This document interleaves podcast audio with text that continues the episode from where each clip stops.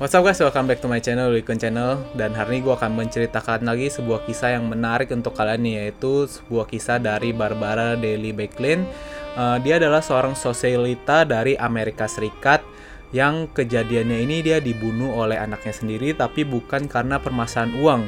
Nah permasalahannya ini sangat unik karena dia mengatakan bahwa anaknya ini kan memiliki kelainan seksual yaitu dia ini gay dan biseksual dan ibunya ini memiliki satu gagasan yang cukup gila menurut gue yaitu dia ini ingin menyembuhkan anaknya yang gay dengan cara berhubungan badan dengan anaknya sendiri.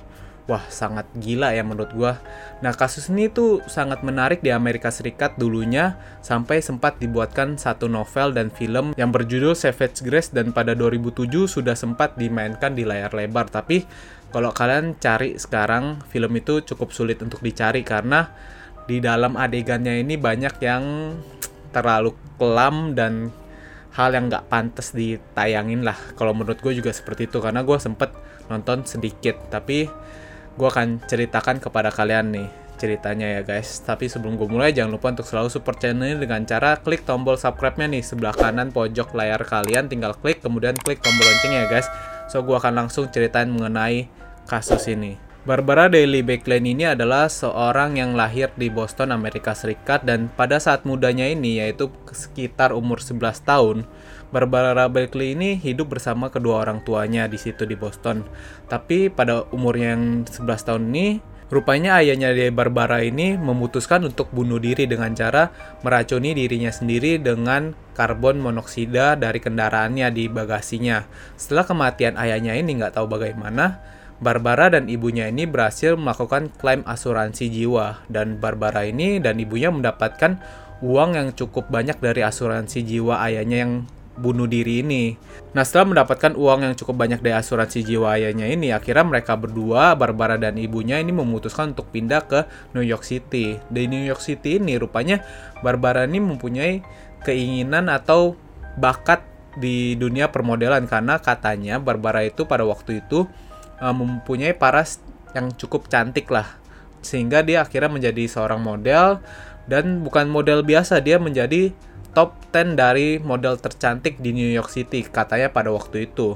Nah setelah akhirnya dia menjadi model yang cukup cantik dan terkenal, Barbara ini sering diundang ke pesta-pesta yang hedon katanya sehingga di situ mulai terbangunlah image sosialita dari Barbara ini. Nah karena Barbara sering pergi ke party-party yang di situ isinya orang konglomerat, kemudian orang-orang kaya, orang-orang sosialita juga tidak menutup kemungkinan bahwa Barbara akan berpacaran dengan uh, banyak konglomerat di situ. Jadi setelah berjalannya waktu, Barbara juga sering gonta-ganti pacar.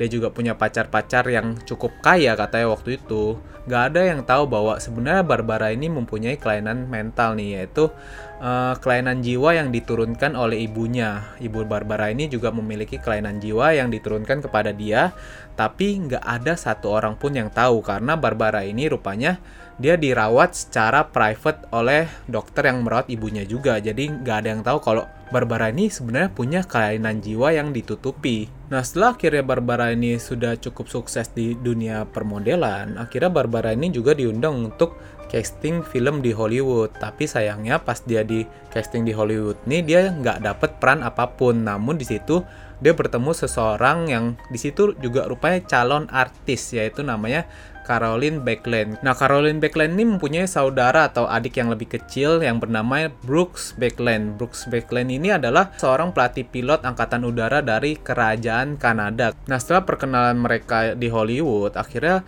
Barbara dan Brooks ini mempunyai hubungan yang lebih dalam dan setelah beberapa waktu tiba-tiba Barbara ini bilang ke Brooks kalau dia ini rupanya hamil anak mereka dan rupanya setelah diamati lebih lanjut Barbara ini sebenarnya nggak hamil, dia cuma pura-pura bilang kalau dia ini hamil untuk dinikahi oleh Brooks. Setelah Brooks mendengar itu akhirnya nggak selang beberapa lama mereka berdua pun menikah. Nah sebagai informasi tambahan ya untuk kalian sebenarnya Brooks ini bukanlah seorang biasa, dia adalah konglomerat yang sangat sangat sangat sangat kaya karena rupanya dia adalah cucu dari Leo Beckland. Leo Beckland itu kalau kalian tahu adalah seorang penemu dari plastik khusus di Amerika Serikat. Jadi kalau ditanya dia itu kaya, dia kaya banget. Nah, karena mungkin kekayaan ini akhirnya Barbara ini ingin dinikahi oleh Brooks. Nah, setelah pernikahan Barbara dengan Brooks ini berlanjut, akhirnya mereka ini pindah ke satu apartemen yang katanya apartemen ini cukup mewah di New York City. Nah, setelah mereka ini pindah ke apartemen yang cukup mewah di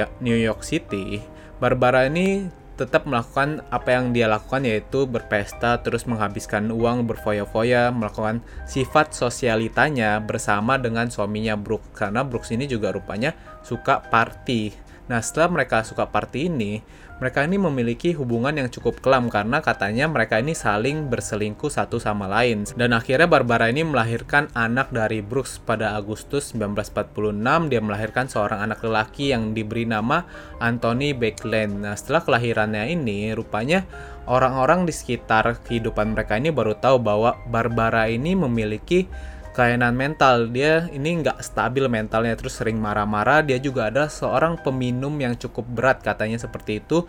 Sehingga uh, sebenarnya Brooks ini nggak terlalu suka dengan sifat yang baru dia ketahui dari Barbara ini. Tapi dia nggak bisa buat apa-apa lagi. Dia harus terus lanjutin pernikahannya walaupun mereka ini saling uh, berselingkuh satu sama lain.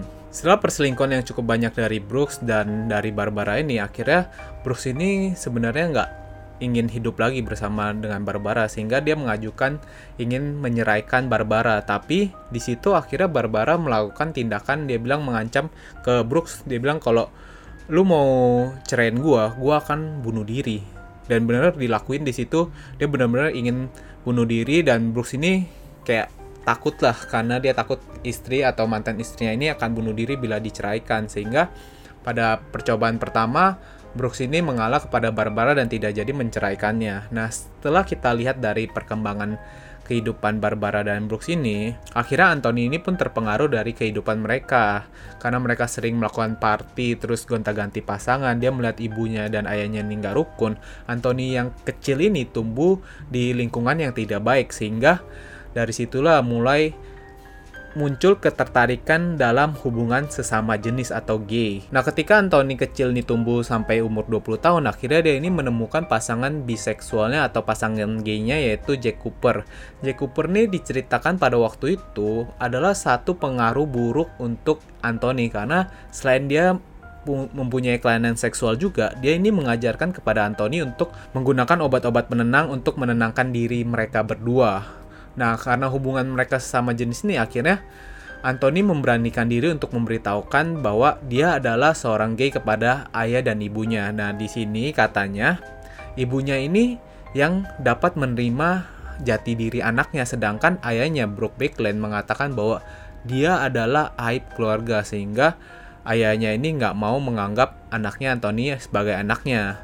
Nah, setelah penolakan hubungannya bersama Jack Cooper ini, akhirnya Anthony memutuskan hubungan bersama Jack Cooper dan kembali kepada ayah dan ibunya. Nah, setelah kejadian ini, rupanya Anthony berusaha untuk mengembalikan kepercayaan ayahnya kepada dirinya dengan cara membawa teman perempuannya yang bernama Sylvie. Tapi sayangnya, hal ini merupakan satu permasalahan yang akan muncul di ke depannya karena ayahnya ini rupanya berselingkuh dengan wanita yang dibawa oleh Anthony yaitu Sylvie. Nah setelah Anthony membawa Sylvie ke rumah, rupanya ayah dan Sylvie-nya ini teman yang dibawa oleh Anthony ke rumahnya dijadikan sebagai selingkuhan ayahnya dan ini menjadi satu titik di mana ayahnya ini ingin menceraikan Barbara kembali karena dia udah nggak tahan dengan sikap dari ibunya ini yang katanya mentalnya juga terganggu kemudian uh, dia juga sering emosi minum minuman yang terus membuat gangguan jiwa sehingga ayahnya ini sudah tidak tahan lagi dengan ibunya atau si Barbara ini.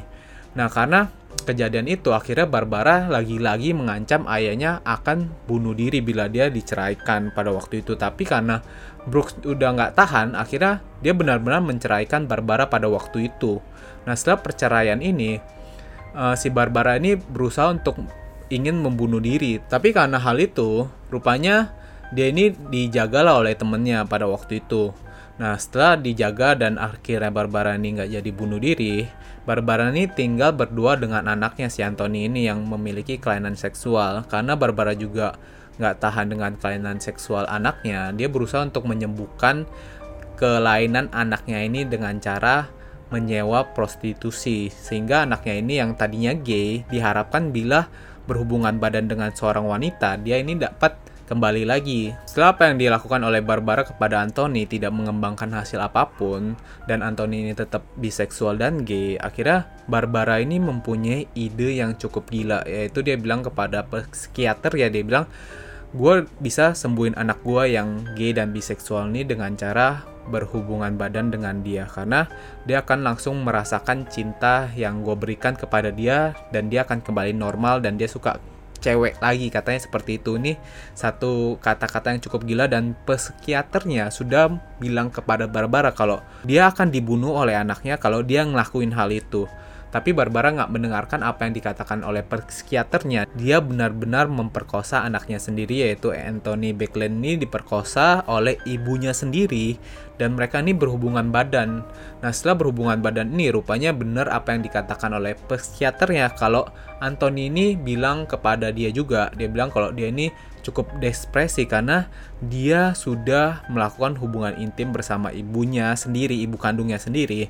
Di, tingkat ekspresinya ini semakin meningkat dan dia mengatakan bahwa dia ingin membunuh ibunya karena dia udah nggak tahan lagi dengan apa yang terjadi dalam hidupnya ini. Nah benar apa yang terjadi bahwa Anthony ini membunuh ibunya di ruang dapur dengan cara menusukkan pisau dapur kepada ibunya ini berkali-kali. Setelah membunuh ibunya ini, Anthony mengalami satu gangguan jiwa yang cukup nyata karena dia ditemukan setelah membunuh ibunya, dia sempat duduk di dapurnya kemudian dia memesan makanan Chinese food katanya setelah kejadian itu akhirnya Anthony pun ditahan oleh pihak kepolisian New York City. Setelah Anthony ini ditahan oleh pihak kepolisian dari New York City, rupanya Anthony ini tidak dijebloskan ke penjara karena dia ini dianggap memiliki kelainan jiwa sehingga dia cuma dijebloskan ke rumah sakit jiwa dan setelah dia dimasukkan ke rumah sakit jiwa dia mendapatkan satu tindakan pengobatan jiwa lah pada waktu itu dan akhirnya Anthony ini pun dibebaskan pada umur 33 tahun. Nah, dia ini dibebaskan dari rumah sakit jiwa kemudian dikirim untuk tinggal bersama dengan neneknya yaitu ibu dari Barbara ini. Nah, setelah dia ini pergi tinggal bersama ibu Barbara, nggak lama kemudian setelah dua minggu kebebasan dia dan tinggal bersama neneknya ini, rupanya lagi-lagi Anthony membunuh neneknya sendiri dengan cara menusukkan pisau dapur ke neneknya sendiri. Nah, setelah ditemukan, rupanya ditemukan beberapa tusukan uh, di sekitar badan neneknya ini. Kemudian di otopsi juga kalau neneknya ini tulang-tulangnya patah. Nah, setelah kejadian itu akhirnya Anthony ini benar-benar dijebloskan ke penjara. Nah, di, setelah dijebloskan di dalam penjara ini, Anthony ini ditemukan meninggal karena menutup kepalanya sendiri menggunakan plastik sehingga dia ini kehabisan da, kehabisan oksigen dari tindakan bunuh dirinya ini. Nah, setelah kejadian itu akhirnya Anthony pun meninggal dunia karena bunuh diri menggunakan plastik yang ditutupkan ke depan mukanya sendiri. Itu dia guys cerita pada hari ini yaitu kisah dari Barbara Daly Becklin yang berusaha untuk mengobati anaknya yang kelainan seksual dengan cara berhubungan badan dengan anaknya sendiri. Satu kisah yang sangat tragis dan sudah difilmkan dan dinovelkan. Kalau kalian tertarik bisa kalian nonton karena menurut gue filmnya ini cukup kelam. Kalau kalian mau nonton silahkan ya guys. So thank you guys for watching this video and see you guys in the next video.